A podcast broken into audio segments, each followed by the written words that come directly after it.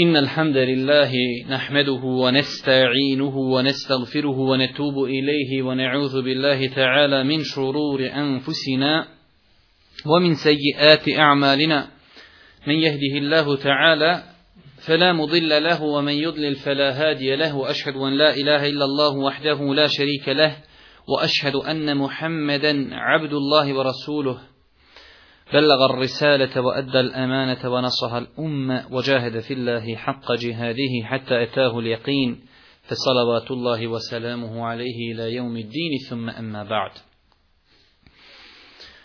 Braćo moja draga,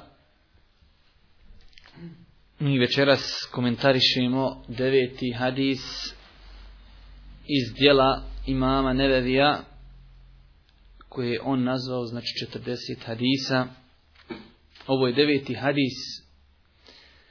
Hadis kojeg su zabilježili imam Buharija i Muslim od Ebu Hureyre radijallahu ta'ala anhu. قال سمعت رسول الله صلى الله عليه وسلم يقول ما نهيتكم عنه فاجتنبوه وما أمرتكم به فأتوا منه ما استطعتم إنما أهلك الذين من قبلكم kesratu مسائلهم واختلافهم على ala Kaže Ebu هريرة رضي الله ta'ala anhu, čuo sam Allahovu poslanika alaihi salatu wasalam da kaže ono što vam zabranim ostavite u potpunosti. Ono što vam zabranim ostavite u potpunosti. A ono što vam naredim uradite koliko možete ono što vam naredim, uradite koliko možete. Zaista je uništilo one koji su bili prije vas, one ljude koji su živjeli prije vas, to što su mnogo bespotrebnih pitanja postavljali i zato što su se razilazili sa svojim poslanicima. Kroj hadis. Što je također jedan hadis, kratak hadis, koji potvrđuje onu činjenicu koju smo spominjali više puta, a to je da je Allah poslanik salatu bio, znači, dobio tu muđizu, je zgrovitost govora, da je u malo riječi kazao mnogo toga. Kazali smo hadise, zabilježi imam Buharija i Muslim, a prenosi ga od Allahu poslanika Ebu Hureyre. Ebu Hureyre je, znači, prvi put večeras sa nama. A mi smo kazali da je običaj i da ćemo se držati tog običaja da svaki put kada nam dođe neki novi prenosioc hadisa, da ćemo neki jedan dio dersa znači posvetiti govoru o tom prenosiocu. I tu s jedne strane može biti znači odgojni dio ovog našeg druženja, jer smo kazali da ova predavanja su više edukativnog karaktera, a edukativno znanje je nama potrebno svakako, znanstveni dersovi i predavanje su nama potrebna, ali je lijepo da nekada to začinimo sa tim nekim događajima ashaba, da vidimo kako su oni živjeli, kako su prakticirali islam, koliko su ulagali u trudu za vjeru, kako bi ako Bog da, znači objedinili u tim našim predavanjima i odgojnu stranu, a iz druge strane kako bi svaki puta nešto novo naučili. Ebu Hureyre, ko zna kako se zvao Ebu Hureyre? Ebu Hureyre znači njegov nadimak. Vidjeli smo tamo kad smo govorili o sjednom hadisu. Ebu Rukaje temim eddari. Ebu Ruk, otac Rukaje temim eddari. Temim eddari ime ashabu, ali je bio poznat Ebu Rukaja. Ko naš sajim Ebu Rukaja. E, znači Ebu Hureyre, Ebu Hureyre, ali kako mu je ime? Jer moguće da ne znamo kako ime prenosiocu koji najviše hadisa prenosi od poslanika. Nije ovaj ni čudo, onaj Ebu Hureyre je bio poznat po svome nadimku do te mjeri da su se učenjaci razišli u pogledu preciziranja njegovog imena. Toliko je bio poznat da je malo ljudi poznavalo njegovo pravo ime. I postoji razilaženje kod uleme kako je njemu ime. Ali jedno od najjačih mišljenja, Allah najbolje zna, jeste Abdurrahman ibn Sahr. I tu imam nevevi kaži, an ebi hureirate Abdurrahman ibn Sahar, ali ja nisam tu tio da spomenim. Imam nevevi je to odabro mišljenje, on zato kaže u ovom hadisu, kaže, od Ebu hureiri Abdurrahmana ibn Sahra se prenosi da je poslanik rekao, pa je citirao ovaj hadis. Dobro, prva stvar, znači, Ebu hureire se zove Abdurrahman ibn sahar. po ispravnom mišljenju. E sad, zašto je nazvan Ebu hureire? Hureira u arapskom je šta? Mata. Hirra je mačka. A hureira je deminutiv mala maca. Kaže se u hadisku, ih imam tirmi sa vjerodostojnim lancem prenoslaca da su Ebu Hureiru pitali zašto si ti nazvan Ebu Hureire? Pa je kazao, ja sam, kaže, radio kod svojih, znači u svojoj poruci, to što sam čuvao, kaže, goveda, i imao sam, znači, između ostalog, čuvajući ta goveda, jednu macu s kojom sam se igrao. Pa navečer kada bi došao kući spavat, kaže, ja bi nju stavio na drvo i ona bi tu čekala cijelu noć i ne bi šta god pojelo. I sutra, kaže, kad bi opet osvanlo, kad krenem čuvati goveda, opet uzmem macu i cijeli dan se sa njom igram i tako. Pa su ga ljudi zbog toga prozvali Ebu Hureira.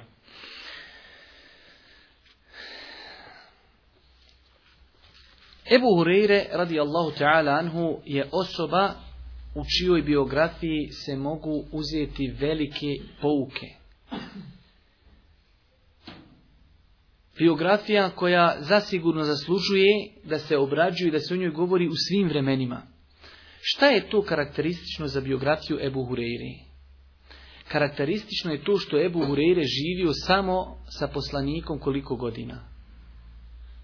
Znači rekli smo Ebu Hureyre prenosi najviše hadisa od Božih poslanika, od svih asaba. Čak više i od Aiše. A znači koliko je bila sa poslanikom i salatu wasalam. Ebu Hureyre je bio sa poslanikom samo tri godine. Samo tri godine je bio sa Božim poslanikom ali salatu wasalam, ali prenosi najviše hadisa. Gdje je poenta i šta je poruka? Poruka je da se može za kratko vrijeme naučiti mnogo toga ako se čovjek posvijeti tome. A vidjet ćemo kako se Ebu Hurire radi Allahu ta'ala anhu posvijetio hadisima Allahu poslanika alihi salatu wasalam. Kaže Imam Buharija rahmetullahi alihi Ebu Hureyre je čovjek od kojeg su hadise prenijeli nama 800 ljudi. 800 znači, ljudi je uzelo njegove hadise i nastavilo ih širiti. I kaže, Ebu Hureyre je bio čovjek ahfav, znači najviše je pamtio od svih ljudi u njegovom vremenu. Ono ako bi se moglo reći u tom današnjem žargonu najinteligentniji, znači najviše je zapamtio hadisa. Imam Zehebi, kada govori o njemu, imam Zehebi, učenik imama, Ibn Taymije napisao jednu veliku knjigu, preko 20 tomova, koju je nazvao Sir el-A'lam en-Nubala. Samo biografije ljudi koji su živjeli od vremena Božih poslanika do 7. stoljeća, pošto on živi u 7. stoljeću, imam Ezebi, pisao je biografije ljudi, pa između ostalog i biografija sahaba. I to je jedna od knjiga na koju se ljudi najviše vraćaju u smislu najvjerodostojnija knjiga. Imam Zehebi je bio izuzetno poznat po bogobojaznost. Znači, ako je čovjek određene imao svojstva pri koja nisu dobra, on bi to spomenuo, ali ga to ne bi spriječilo da spomene dobra osobina čovjeka, dobre osobine. Čovjek, na primjer, imao pogrešnu akidu. On kaže, pogriješio je poglavlju akide, ali bio je pobožan, bio je čestit, bio je marljiv, bio je učen, bio je ovakav, bio je onakav. To je znači jedna od osobenosti ove knjige. On kada govori o Ebu Huriri kaže El imam, el faqih, el, muđ, el el hafiz. On je kaže bio imam. Bio je faqih, pravnik. Bio je hafiz. Znači to ne mislimo u današnjem znači ovaj terminu hafiz da je znao Kur'an na pamet. Ne. U to vrijeme oni su govorili hafiz za čovjeka koji zna izuzetno mnogo hadisa. Kaže, bio je mučtehid. I na kraju kaže, bio je prvak, znači gospodin, najveća ličnost od svih ljudi, svih hafiza, znači toliko je imao jaku memoriju da je bio prvak u svemu tomi. Također imam i kaže na drugom mjestu kada govori o njemu kaže ne znam da je Ebu Hureyre jednom pogriješio u hadisu. Ne znam da je ikad pogriješio u hadisu. A opet na trećem mjestu kaže, zar može se, kaže, naći neko da se navede kao primjer Ebu Huriri? Znači, ne postoji neko da bi mogli reći, e, ovaj čovjek je poput Ebu Huriri. Kaže, takav čovjek ne postoji. I zato ako pogledamo hadise koje Ebu Hurire prenosi od Božih poslanika, vidjet ćemo da obuhvataju čitavu vjeru. U ibadetima, u međuljudskim odnosima, u džihadu, u braku, u talaku, u edebu, u siri, u svemu, u svemu ćete naći hadise Ebu Hurire. Uvijek Ebu Hurire, Ebu Hurire od Ebu Hurire. Ebu Hurire svakako ima svoje vrijednosti kojima se odlikuje na drugim ashabima. Mi ćemo spomenuti neki. Prenosi se u hadijskoj izvrđenom muslim od Jezida ibn Abdurrahmana. Kaže, došao mi Ebu Hureyre i razgovarali smo, pa kaže Ebu Hureyre, Allah nije stvorio ni jednog mu'mina, a da taj mu'min mene ne voli. Samo ako čudni, kaže, za mene taj mu'min će mene zavoljeti. Kaže Jezid ibn Abdurrahman, kako tu znaš da ne postoji mu'min, da ga Allah stvorio, da je mu'min i čuje za te pa da će te zavoliti. E kaže, Sad ću ti kazati kako ja znam. Znači, ne znam ja gajb i ne tvrdim da znam gajb, ali evo sada ću ti reći na osnovu čega sam to kazao. Kaži, moja majka je bila mušrikinja. ja sam je pozivao da primi islam. Pa je odbila. Kaže, odbijala je da primi. Pa jednog dana sam je pozvao ponovo. Pozivao sam je, pozivao sam je, pa mi je, kaže, rekla nešto, uvrijedila je Božji poslanika, rekla mi je nešto što me rastužilo, kaže. Pa sam otišao poslaniku plaćući. Kaže, plakao sam, kaže, ispomenuo sam poslanika, kaže, zvao, pozivao sam majku Islam, pa je odbila i uvrijedila je tebe. Kaže, moli Allaha da je uputi u Islam. Pogledajte, ona uvrijedila Poslanike i on dolazi i kaže, poslanik će dovi za nju. Kaže, pa je Allah poslanik rekao, Allahum mehdi umme Ebi Hureyre. O gospodaru, uputi majku Ebu Hureyre. Kratka dola. Kaže Ebu Hureyre, pa sam se vratio kući u želji da joj prenesem, da je obradujem tom vješću, da je Allah poslaniku uputio dovu za nju. Kaže, kada sam došao u kući, zatekao sam vrata zaključana. A pa čuo sam iza vrata, kaže, vodu. Čujem voda. Pa mi je kazala, kaže, sačekaj tu i kod vrata, pa je izišla, obukla je, kaže, bila već svoju odjeću, kaj prije nego što mi je išta rekla, rekla je, ešhedu en la ilaha illallah, u ešhedu enne Muhammeda, Rasulullah. Primla je islam. Kaže buriri, pa sam se vratio poslaniku plaćući od dragosti, kao što sam malo prije plakao od žalosti. Pa sam mu rekao, Allahu poslaniće, dovi Allahu sad ponovo, šta? A neće već dovi da je vrati normalno. Kaže, dovi Allahu poslaniće da Allah da, da nas svaki mu'min voli. Mene i moju majku. Pa je Allah poslanik podigao ruke i kaže, gospodaru, učini da tvoji iskreni robovi mu'mini voli Ebu Hureyru i njegovu majku, a učini da Ebu Hureyri i njegova majka vole mu'mine. I na osnovu toga Ebu Hureyre kaže, mene voli svaki mu'min, kogo čuje za mene. Kako god se ona prva dova uslišala, da njegova majka primila islam i ova druga dova poslanikova je uslišana i svaki mu'min koji čuje za Ebu Hureyru i čuje ono koliko je truda uložio, a to ćemo noćas samo malo spomenuti, mora da zavoli tu osobu. I to je svakako, svakako velika vrijednost Ebu Hureyre radi Allahu ta'ala anhu. Ebu Hureyre je čovjek, insan i osoba kojim je Allahu poslanik posvjedočio da je on žedan i željan hadisa i da se trudi na putu sticanja znanja. Da ti Allahu poslanik posvjedoči da si ti marljiv, to je velika stvar. Za tu hadisu koji je zabilježio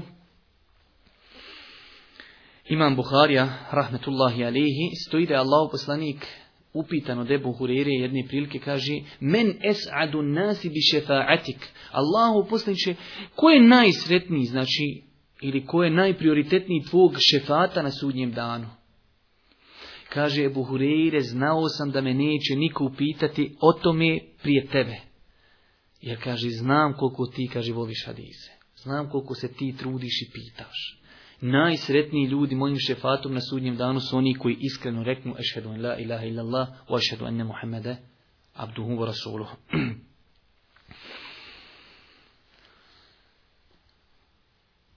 To su neke onaj vrijednosti Ebu Hureyre, a spomenut ćemo mi znači još neke stvari. Ebu Hureyre, rahmet, radi Allahu ta'ala, je bio također prepoznatljiv po svome ibadetu. Kaže Ebu Uthman en Nehdi, Jedne prilike sam bio kod Ebu Hureyre sedam dana u gostima. I kaže, primijetio sam, i to je poznata predaja, u njegovoj kući se tako živjelo, on je imao ženu, on i sluga. I kaže, oni su cijelu noć po, podijeli u trećine i svako od njih je provodio jednu trećinu i baretu. Prvi primjer radi je klanja trećinu i onda legni spavat, zovne ženu. Žena klanja trećinu, onda zove slugu i sluga i cijelu noć se u njegovoj kući i badetilo. Što znači, je poznata predaja od Ebu Huriri radijallahu ta'ala anhu.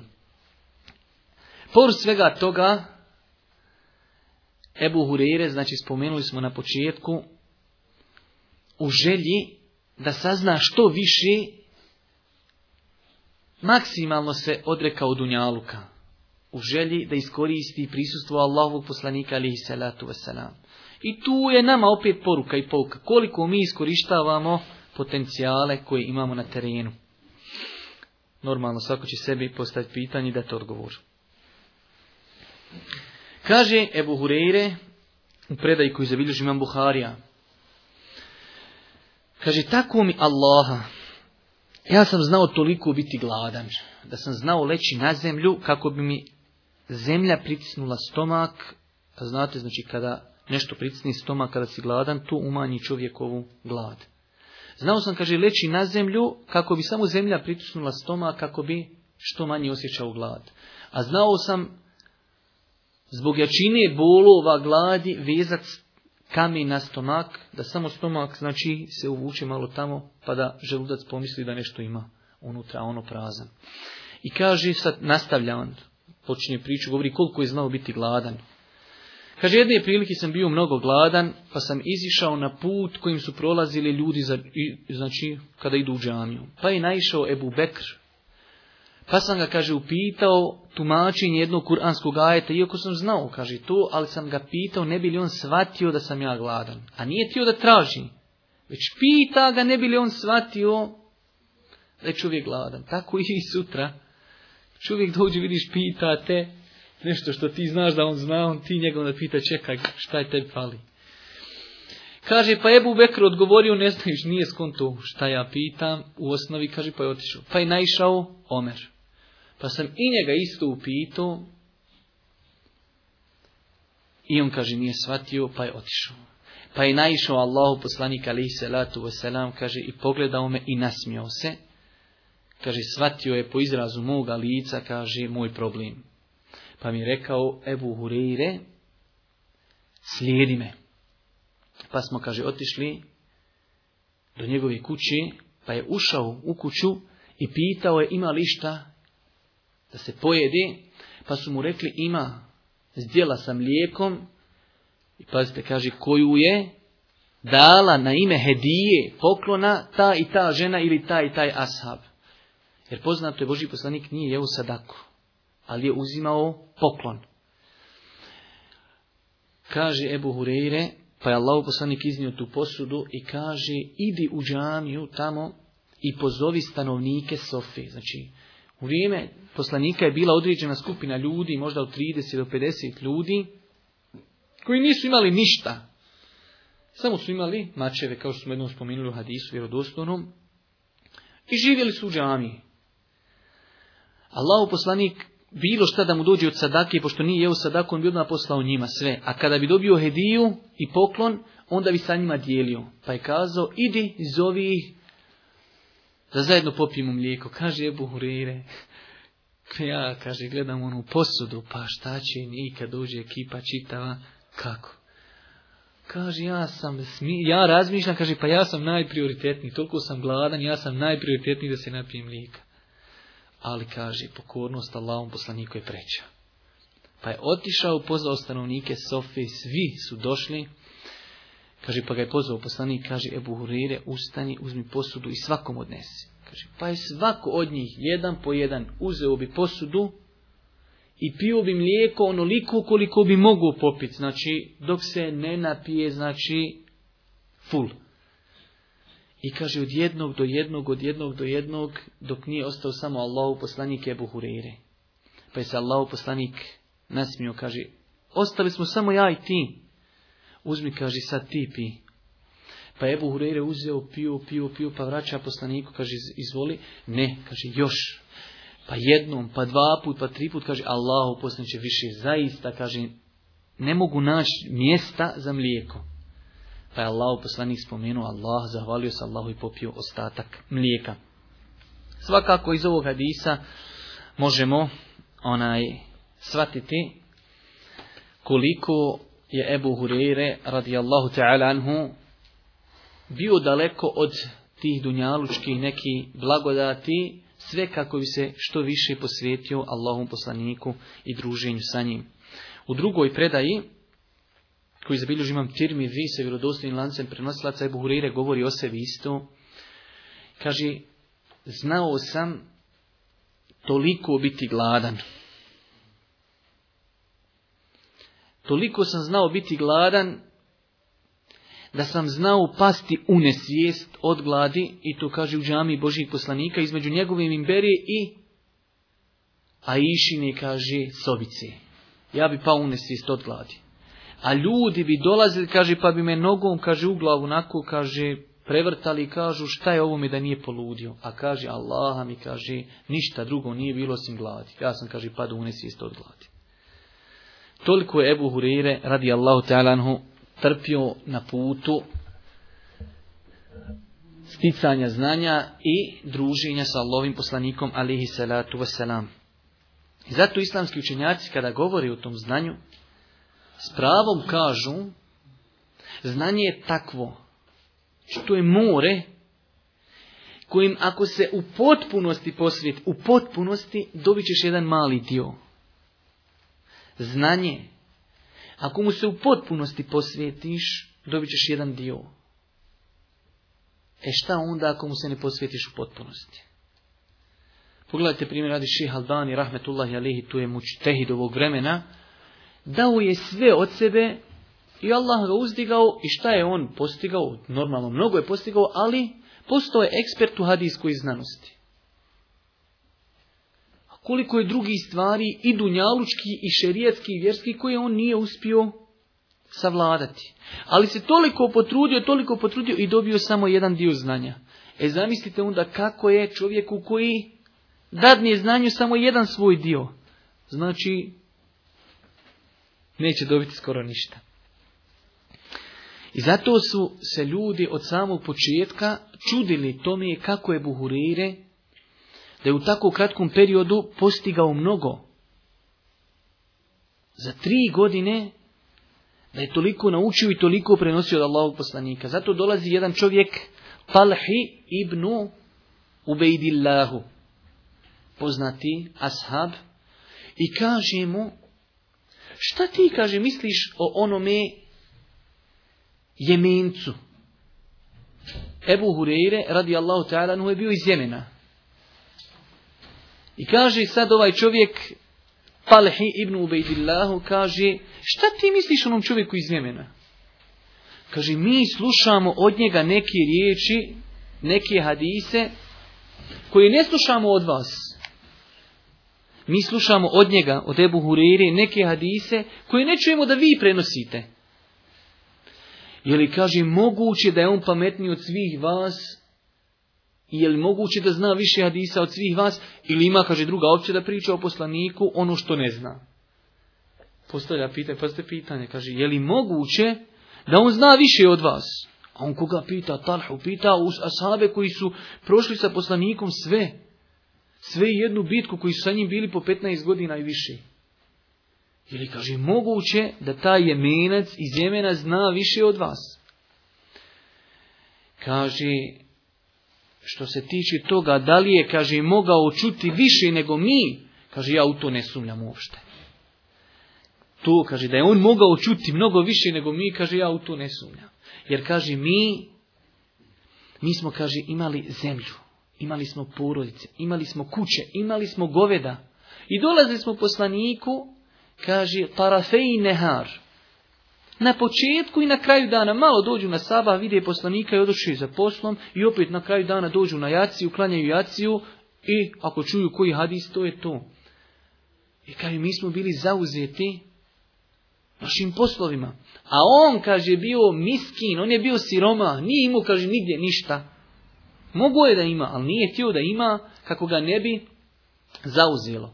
Kaže, i bio je neprestano sa poslanikom, zato kaže, la ešuk, ja uopšte ne sumnjam da je on čuo mnogo više od nas. A kaže, što se tiče da govori, kaže, o poslaniku ono što nije rekao poslanik, kaže, čovjek u kojem ima hajra ne govori o poslaniku ono što nije rekao poslanik. Znači, ta opcija ispada. A u drugom Rivajetove predaje kaže, i mi smo neke stvari čuli, ali smo zaboravili, a Ebu Hureyre nije zaboravio. A Ebu Hureyre, znači to nisam planirao kazati, ali eto, on je u početku bio čovjek koji je imao izuzetno teško pamćenje, znači teško pamtio. Kada je tek primio islam, teško mu je bilo, pa je se požalio poslaniku. Kaže, Allahu poslaniće, čujem od tebe nešto pa zaboravim. Pa jedne prilike Allahu poslanik govorio nešto, i kaže ko će od vas da skine svoje odijelo i da ga prostrije dok ja govorim. Kada ja završim neka ga obuče na sebe više nikada neće ništa zaboraviti. Pa je to učinio Ebu Hureyre. I kaže od tada više nikada u životu ništa nije zaboravio. Kao bereket dove Allahog poslanika alihi salatu wasalam. Čak se prenosi od Merovana ibn al Hakema kada je bio namjesnik Medini tako isto ljudi su počeli da govori o Ebu Hureri, prenosi mnogo hadisa, pa ga je on pozvao, a pisara je sakrio tamo iza zastora, kaže mi ćemo pitati Ebu Hureru hadise, a ti zapisuj. Ali da te ne vidi. Kaže, pa su sjedli sa njim i tako, znaš li hadis o tome znam, gde kaže. Znaš li hadis o tome znam, gde nam kaže. Znaš li hadis o tome, kaže, pa je prošla godina dana, Kaže, pa su ga ponovo pozvali, pa su ga pitali, kaže, Ebu Hurire je ponovio sve što im je rekao u harf, da se u jednom harfu nije pomeo.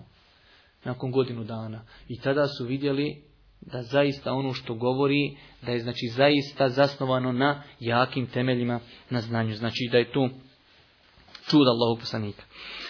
On je bio prepoznatljiv po tome da je znači kazao mnoge mudre izreke. Jedna od njegovih poznatih izreka jeste da je kazao želite li da vas uputim, da vam ukažem na ratni plijen, hladan ratni plijen. Ganime tulbaride. Ratni plijen, ali hladan ratni plin. Nešto znači lijepo, lahko, dobro, fino. Kažu šta je? Kaže to je post u zimskim danima. Znači iskoristite tu ganimu. To je isto ratni plijen. Znate kako je zimi lahko postiti. U osam se klanja saba do četiri klanja se Znači postiš faktički neki 6, 7, 8 sata i eto. A puga mi leti, skoro duplo više postiš. Znači, to je jedna od njegovih mudri izreka. Prenosi se također u njegovoj biografiji da jedne prilike otišao u jedno naselje, pa su ljudi odbili da ga prihvate kao gosta, ne znajući koje odbili su, nije niko htio da ga prihvati kao gosta. Pa je on otišao izvan nasilja i rasklopio svoj šator šta je već imao i počeo da sprima hranu. Pa kada je završio sa sprimanjem hrane, otišao je sad on njih pozije, kaže, hajte kod mene da ručamo. Sad normalno je njih stid, gost, nisu ga prihvat, sad on njih kažu, nećemo. E, kaže, brate, ste vi muslimani? Kaže, jesmo. Kakvi ste vi muslimani? Prvo došao vam gosti i odbili gosta, kaže, jedan prekršaj. Sad ja napravio hranu šerijatski, znači tu lema kaži, malo se isključimo, da čovjek kada te neko pozove na hranu, pogotovo kada je u pitanju svadba, ako nema na njoj šerijatski prekršaj, da ti je vađi, obaveza se zoveš. Ja vas sad, kaže, zovem na hranu, vi sad odbijate. Drugi, kaže, prekršaj. Pa kaže, neko iz te mase prepoznao njega. Pa kaže, ti je buhurire, uf, izvini, kaže, haj kod mene. E, kaže, ovaj opisar najgori, kaže. Pa kaže, ti sam pozivaš, kaže, ugostani koji znaš. Ti kaj sad treći kiks si napravio. Kaj vi pozivate samo one ljude ugoste koji znate. Znači ugostu treba, goste treba pozvati on koga ne znaš, onaj koga znaš, on, gotovo moraš ga pozvati. Ali ugoste treba pozvati onoga koga ne znaš, misli se znači na ljude koji putuju. Ebu Hureyre radijallahu ta'ala kao što stoji u knjigama od Allahu poslanika alaihi salatu wasalam je prenio 5374 hadisa. 5374 hadisa. Normalno, to je sve što je Ebu Hureyre prenio od Božih poslanika. I tu znači se onaj broj i slabi hadisi, i hasen hadisi, vjerodostojni hadisi, hadisi sa prekinutim lancem. Sve znači što je od Ebu Hureyre dostiže broj 5374. Knjiga u kojoj je najviše hadisa okupljeno Ebu Huriri jeste Musned imama Ahmeda, knjiga koja je prisutna danas oštampana. Znači, inače kada čujete riječ Musned, to su zbirke hadisa koji su poredane kako? Po imenima ashaba i onda primjer rad Ebu Hureyre i svi hadisi Ebu Hureyre, Aisha, svi hadisi Aisha, i tako, Ebu Bekri, svi hadisi, dok vam u drugim zbirkama, primjer Sunen Ebu Davud, Sunen Tirmizi, Muslim, Buharija, oni su svoje zbirke po naslovima, po cjelinama. Ide akida, pa ibadeti, pa brak, pa džihad, pa ovo, pa tefsir, dok musnedi su znači poredani tako. U musnedu imama Ahmeda je zabilježeno 3848 hadisa od Ebu Hureyre radijallahu ta'ala anhum. Ovo smo sve, braću moja draga, spomenuli i možda smo već i nekima i dosadili, ali morate se strpiti. I nama je teško, zato što je tu, ako Bog da pokazatelj našeg imana, da čujete da postoji neko ko psuje i ko vrijeđa Ebu Hureyru, a imate takvih ljudi. I koji su njega potvorili i da je lažov, i koji su mnoge stvari kazali o njemu koji nisu pri njemu. Zato sam ja napravio ovaj jedan duži uvod i čak sam razmišljao da čitavo predavanje ostavimo samo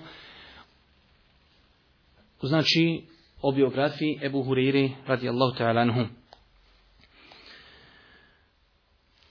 To znači da su ljudi sumnjali da je on mogao zapamtiti toliko hadisa, znači to je samo dokaz njihove bolesti u srcima, jer to, vraću moja draga, nije ništa. Vi znate kada smo govorili o imamu Buhari i njegova biografija, imam Buharija je živio nakon Ebu Hureyri. Imam Buharija za sebe kazao, ja znam sto hiljada hadisa, vjerodostojni i dvije stotine daif. Ebu Hureyri je prenio pet hiljada hadisa i kažu kako je on to mogu zapamtiti pet hiljada. Prva stvar. Druga stvar, to nije čudno. Za to vrijeme Arapa Arapi u to vrijeme nisu se nimalo oslanjali na pisanje. U njih je sve bilo zapamtiti. Čujete hadis, hadis Allahog poslanika na dvije ili tri stranice A4 formata i dvojica saba i sve u riječi isto. Samo ga jednom čuli. I znalo se desi da dođe pjesnik na pijacu i citira znači pjesmu koja je toliko je, teška jezički danas ljudi kada je čitaju, znači doktori arapskog jezika ne znaju čitati. I samo je jednom iscitira, koja je znači kasida, pola sata traje i samo jednom iscitira ljudi koji su kod njega bili svi zapamti na pamet.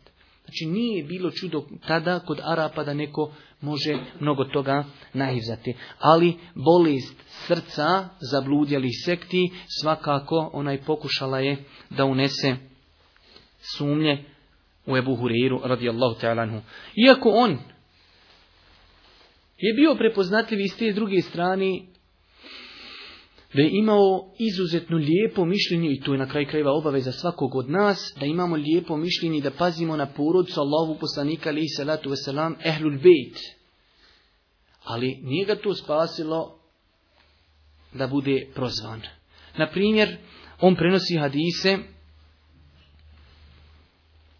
o vrijednosti Fatimi, o vrijednosti Hasana, o vrijednosti Huseina, ali opet to nije bilo dovoljno da bude spašen prozivanja.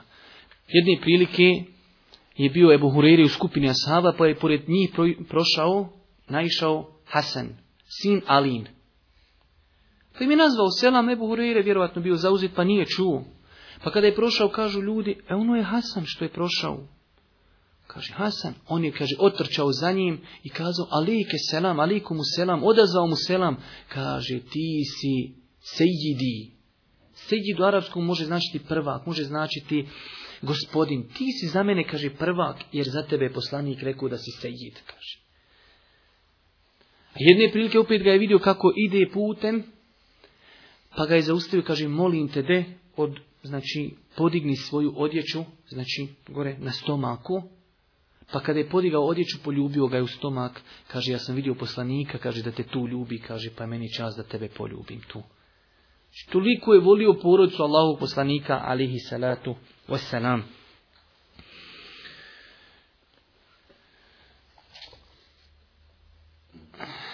Normalno, znači, kada se realno i racionalno pogleda na to zašto ljudi prigovaraju Ebu Huriri i zašto ga prozivaju, vidjet ćemo da to nije prozivanje njegove ličnosti. Da je to bio slučajno neki drugi asab, on bi udario na iste belaje. Jer time se želi izbiti stolica ispod nogu ovog ummeta. Jer kada izbaciš Ebu Hureiru iz ringa, onda si izbacio iz opticaja 5000 hadisa. Znači nije cilj napad na ličnost Ebu Hureyri, već je cilj udariti na čast onoga ko najviše hadisa prenosi, što znači ako njega izbaciš iz optica, izbacio si hiljada hadisa, kazali smo na početku na njegovi hadisi koje on prenosi od poslanika obuhvate i skoro čitavu vjeru. I skoro ne možete naći ni jedno poglavlje, ni u fiku, ni u akidi, ni u edebu, ni moralu, ni siri, a da tu nema, rekao Ebu Hureyre, čuo sam poslanika. I zato kad izbiješ taj adut ehli sunnetskom vjerovanju iz ruku, a ne može se izbiti nikada, ali oni koji tako razmišljaju, onda se izbacio velik broj hadisa iz opticaja. Također neki su prigovorili, ovo znači kada govorimo, znači konkretno se misli cijelo vrijeme na Rafidije Šije. Znači, niko Ebu Hureyru nije prozivao osim njih. Također su ga prozivali da je prenosio hadise od drugih ashaba a da tu nije spominjao. Imate nešto u hadijskoj znanosti, nije hadis moja struka i ja tu plaho ne znam, ali pokušat ću vam pojasniti. Imate nešto što se zove tedlis i to je opasna stvar. Da dođe prenosioc hadisa i kaže, primjer radi, ja sam čuo hadis od njega, on je čuo od njega, a on od njega. E ja, znajući sve to, ali znajući možda da ovi prenosioci u sredini nisu dobri, a znam da je on dobar, ja onda kažem, rekao je taj i taj. On to jeste rekao, ali je problem što sam ja preskočio ove ljude. Sutra će doći neko da analizira senet pa kaže, u, Boga mi u ovom senedu imaju dvojca ili trojca ili petorca koji nisu dobri, hadis nije vjerodostven. A zato ja to sve preskočim i ja kažem, rekao je taj i taj. Tu je tedlis. Jesam to rekao, ali je pitanje što nisi kazao od koga si to čuo, da mi sutra možemo provjeriti. I to je nešto opasno. Zato je bilo hadijsku činjaka koji kažu, kada bi mi ponudili da zinalučim ili da tedlis činim, ja bi zinalučio, ne bi tedlis činio. Znajući koliko to utječe na očuvanje vjeri, jer na taj način se gubi vjera. Spomeni nam semu lena riđalekom. Kada su ljudi počeli lagati, tada su ashabi više, kada, kada su došle generacije nakon ashaba koji su počeli lagati na poslanika, onda je došlo pravilo. Iz početka je bilo samo kaže rekao je poslanik, završeno. Ali kada je počela laž na poslanika, onda je došlo pravilo semu lena riđalekom. Recite nam od koga ste čuli. Kad ja sam čuo toga, završena stvar, pozna doći slagati. Odmah se od njega ne privata. Kada ja sam čuo toga sahaba, a završeno, privata se. E tu je tedlis. I onda su oni, kažu Ebu Hureyre, je činio tedlis Znači, nije prenosio direkt od poslanika, već je prenosio od nekoga sahaba da je čuo od Božih poslanika. A odgovor je više nego jednostavan. Braćo moja draga Ehli Sunnet ima jedno veliko pravilo, a to je svi ashabi, svi ashabi su povjerljivi. To vrijedi taj tedlis je velika i opasna stvar za sve druge generacije osim ashaba. U svakoj drugoj generaciji mora čovjek kazati od koga je čuo hadis. Ali u ashaba ne mora. Zato mnogi drugi asabi, sam Enes ibn Malik, kao sluga Allahog poslanika, kaže, tako mi Allaha, ovo sve što mi kažemo, čuli smo da je rekao poslanik. Nismo mi čuli, kaže, od poslanika, već smo čuli od drugih asaba, pa prenosimo vama. Jer nisu mogli sve čuti. Nakon smrti Božeg poslanika on čuje Ebu Hureyru, govori, rekao je poslanik. On sutra kada to prenosi ne kaže, rekao je Ebu Hureyre, čuo je poslanika. Ne, on kaže odmah direktno, rekao je poslanik. Jeste, to je rekao poslanik. Zato što su znali da su svi ashabi bili povjerljivi, zato kaže Enes radijallahu ta'ala anhu, kaže zato što mi nismo znali slagat. I Bera ibn Azib isto kaže, ovo sve što čujete od mene, kaže nisam ja to sve čuo od poslanika. Ja sam to čuo, kaže nešto i od ali kaže u nas nije bilo laganja. I to za prvu samo generaciju vaš, zato to nije nikakava mahana falinka kod Ebu Huriri, da neke hadise Prenosi oni nije čuo od poslanika, ali je čuo od drugih ashaba. I to je poznato. Sama Aisha radijallahu ta'ala, mlađi ti ashabi, Aisha, Ibnu Abbas i mnogi drugi ashabi koji su bili mladi, nakon smrti Božijeg poslanika čuli su mnogi hadise od ashaba, pa poslije kada su prenosili nisu govorili čuo sam od toga ashaba. Znači koliko je slučajeva gdje se zna da Ibnu Abbas nije bio na tom događaju, ali on kaže Allahu poslanik je na tom događaju rekao to i to. Ali čuo od povjerljivog Halid ibn Velida ili čuo od Mez Abdullah ibn Mesuda ili e-, od, Ebu Bekra ili od Omera, da je poslanik tada, tada to kazao. I on je to zapamtio. I znači to nije nikakva falinka. Znači na kraju, Znači, mnogo je tih faktora koji su uzrokovali da je Buhureire zapamti mnoge te hadise. Prva stvar, Arapi, znači generalno, mnogo u to vrijeme su pamtili. Također, vidjeli smo da je Allah poslanik pohvalio njegovu želju za hadisom. Što znači zaista čovjek se trudio. I treća stvar, vidjeli smo koliko je vremena provodio sa poslanikom da Ibnu Omer, sin Omeru, kaže kada govori o Ebu Huriri i sa njim razgovara, kaže ti si najviše proveo vremena sa poslanikom i ti si najviše hadisa od njega zapamtio. Znači, tu je svjedočanstvo jednog ashaba, jednog, iako smo tamo čuli smo mm, svjedočanstvo talha ibn Eidillaha, da i on kaže, da, sigurno, nema sumnje da on čuo više nego mi. Evo Ibn Omer isto kaže, ti si najviše vremena provio sa poslanikom i ti najbolje znaš hadise Božih poslanika. ću, moja draga, dozvolite mi, jesmo profurali sve te neke granice, ali deset minuta ćemo sam uzeti da prokomentarišemo ovaj hadis i time ćemo ako Bog da i završiti.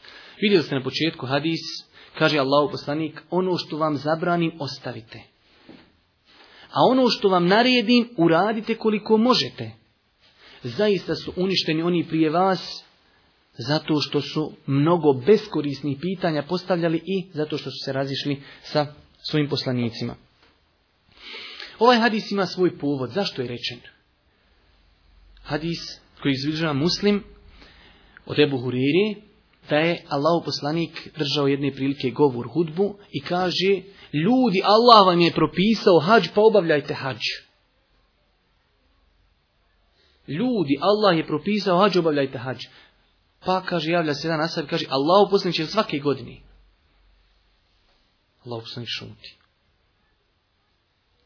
A pravilo je kod njih bilo kad poslanik nešto šuti ne pita i dalje, znači može nešto doći da postane obavezan, nije bilo obaveza. Kaže, popi drugi put kaže, Allah će od svake godine. Allah poslanić šuti. Kaže, Allah će od svake godine da idemo na hađ. Kaže, Allah poslanik, veruni ma terektukum, kad vas pustim, pustite vi mene, nemojte priupitivati. Allah naredio hađu, obavljajte hađu, obav jednom hađi šuti.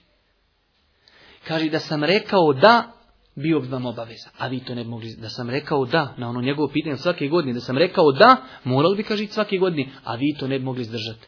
Tada je to njima bilo lako, što mi u Meku Medini ima nas par stotina, par hiljada, što svake. A pogledajte sad, zamislite sada da čitav umet mora otići na hađu. Svake godine. Gdje bi se smjestili? I onda, onda izrekao Allah poslanik taj hadis i kaže, ono što vam naredim, ono što vam zabranim, ostavite. A ono što vam naredim, učinite koliko možete. Možete više, možeš ići više puta naći, bismillah, idi. Ali jednom si obavezan. Pogledajte ovdje, znači moramo se opet dotaknuti malo arapskog jezika. I te neke hadise zaista čovjek ne može shvatiti, ali da kažem ono shvatit izvorno, osim ako poznaje arapski. Pogledajte ovdje izraz. Kaže, ma hejtukum anhu iđteni buhu. Ono što vam zabranim, ovdje termin iđteni buhu. Mogu je poslanik reći utrukuhu, tereke etruku znači u arapskom ostaviti. Ali iđteni buhu je poseban glagol za posebno udaljavanje. Od riječi džanib. Iđtenib. On, to što je Boži poslanik zabranio na jednu stranu, a ti na drugu stranu. Nikako da si mu blito. To je poseban glagol sed amu mubiqat. U drugom hadisu kaže Allah ostavite se, odaljite se od sedam grija koji uništavaju. Ali ne kaže utruku. Ostavite, nako, ha, ostavite budu tu blizu. Ne, ne, ne. bu ostavi daleko, neki od tebe, tvoja kuća, neki od njegovi daleko. I pogledajte ovdje, Allaho poslanik kaže ono što vam zabranim ostavite. Znači u šerijatu je ovo noćas trebate zapamtiti, velika je korist. U šerijatu sve što je zabranjeno treba ostaviti. Sve. Ne kažeš mogu li ili ne mogu. Sve možeš ostaviti. Allah zabranio alkohol. Ostaviš alkohol. Allah zabranio kamatu. Ostaviš kamatu. Allah zabranio krađu. Ostaviš krađu. Sve. Znači nema tu i kažeš jesam li u mogućnosti ili nisam. Jer sve što je zabranjeno, sigurno je štetno za čovjeka. Zato sve treba ostaviti. I treba ostaviti u malim i velikim količinama. Pogledajte mudrosti. Kako nas vjera odgaja. Primljadi, radi, kad čovjek posti, zabranju mu je jesti i piti normalno. Čovjek samo kada ljude u kap vodi, braću. I popije kap vodi. Šta je zabranjeno kap vode, to se ne broji ništa. Pokvaren post po konsenzusu islamskih Samo kap. Samo uzmiš kap vodi i kažeš, e, popiš U toku dana kad postiš pokvaren post. Znači zabranjeno, nema tu može kap, može više, može, ne može ništa. Kada su zabrane u pitanju, nima tu mogu li, ne mogu li. Sve se ostavlja. Iđte ni buhu, a spomenut ćemo tamo kada je rekao, a ono što vam naredim, šta? Činite koliko možete. Tamo već dolazi koliko možeš, zato što tu trebaš davati trud. Ovdje nema trude. samo ostavi, samo se povuci. Ono što sam vam zabranio, ostavite. U potpunosti. I zato islamski učenjaci kada govori o zabrani, kažu dijeli se u dvije vrste. Imate zabranu strogu Prvenstveno znači treba sve ostaviti zabrane. Ali ako pogledamo, čitamo knjige i ono što je Lema rekla, zabrane imaju dvije vrste. Zabrana tahrima i zabrana kerahi. Zabrana iz koje proizilazi haram i zabrana iz koje proizilazi mekruh. Činiti haram je strogo zabranjeno i to je grijeh, a činiti mekruh je pokuđeno. Ali generalno sve što je zabranjeno poslanik treba ostaviti, ali znači ipak postoje deređe i stepeni da je neki grijeh veći od nečega drugog. Jedno veliko pravilo zapamtite, i to će vam valjati u životu sigurno, samo ako znate prakticirati, svaka zabrana u ibadetima, u ibadetima, u osnovi je za haram. Zato koliko puta ako se sjećate i oni koji razumiju ovaj govor fikski, kada smo mi kazali nešto neko pita pa kažemo došla je zabrana, a osnova je u zabrani da je haram. Znači kada dođe hadis nešto zabranjuje, osnova je da je to haram.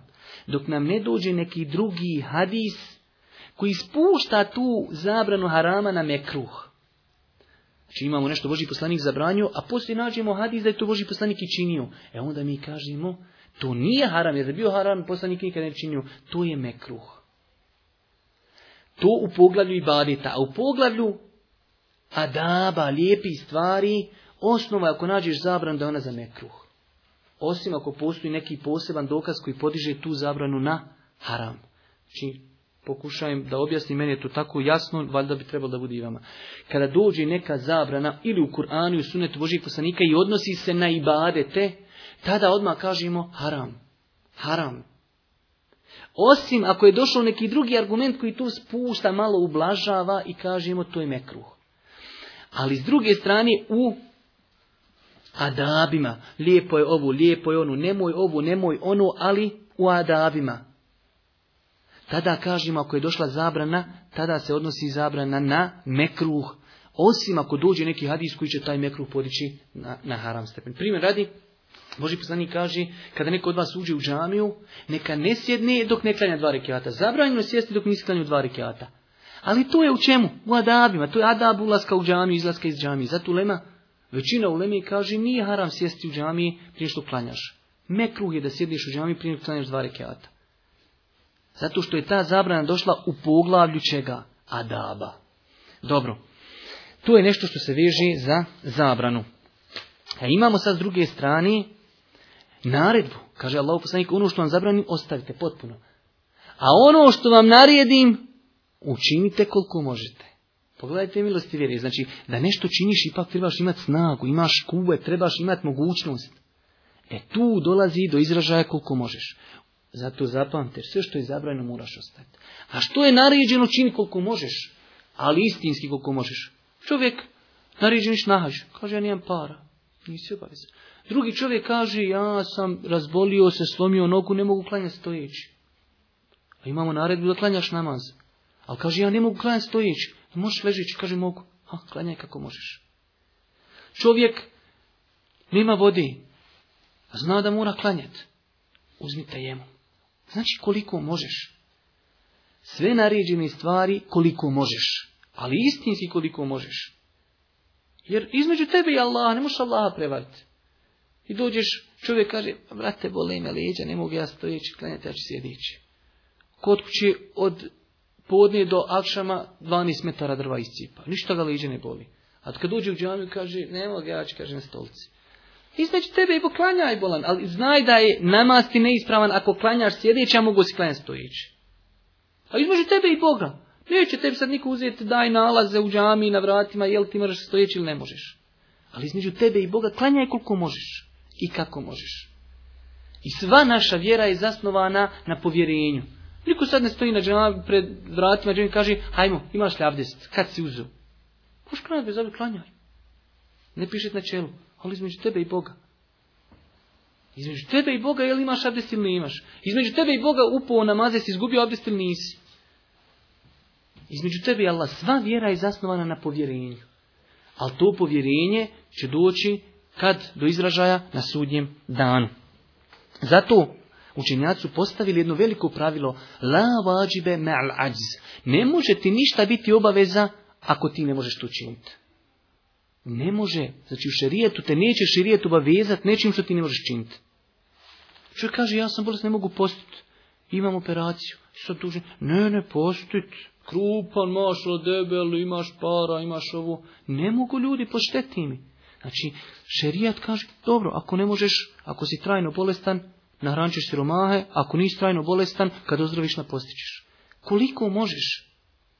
U naredbama je koliko možeš, ali između tebe i Allaha. E sad i naredbe, isto tamo što smo spomenuli. I time ćemo ako Bog da završiti ovo druženje. Naredba ako je u ibadetima, naredba obavljajte namaz, dajte zekijat, šta god je u ibadetima naredba, osnova je šta? Da je vađb. Što god ima naredba, nešto se naređuje u šerijatu, pogledamo je li u adabima ili, ili je u ibadetu. Ako je u ibadetu mi kažemo osnova je da je tu vađb. Osim ako dođe drugi neki hadis koji to malo ublaži, ublaži, pa spusti na stepen pohvalni stvari. A ako je u pitanju adabi, tada kažemo ako ima tu neki naredbi, tada kažemo da se te naredbe odnose na mustehab, lijepe stvari. Samo da vidim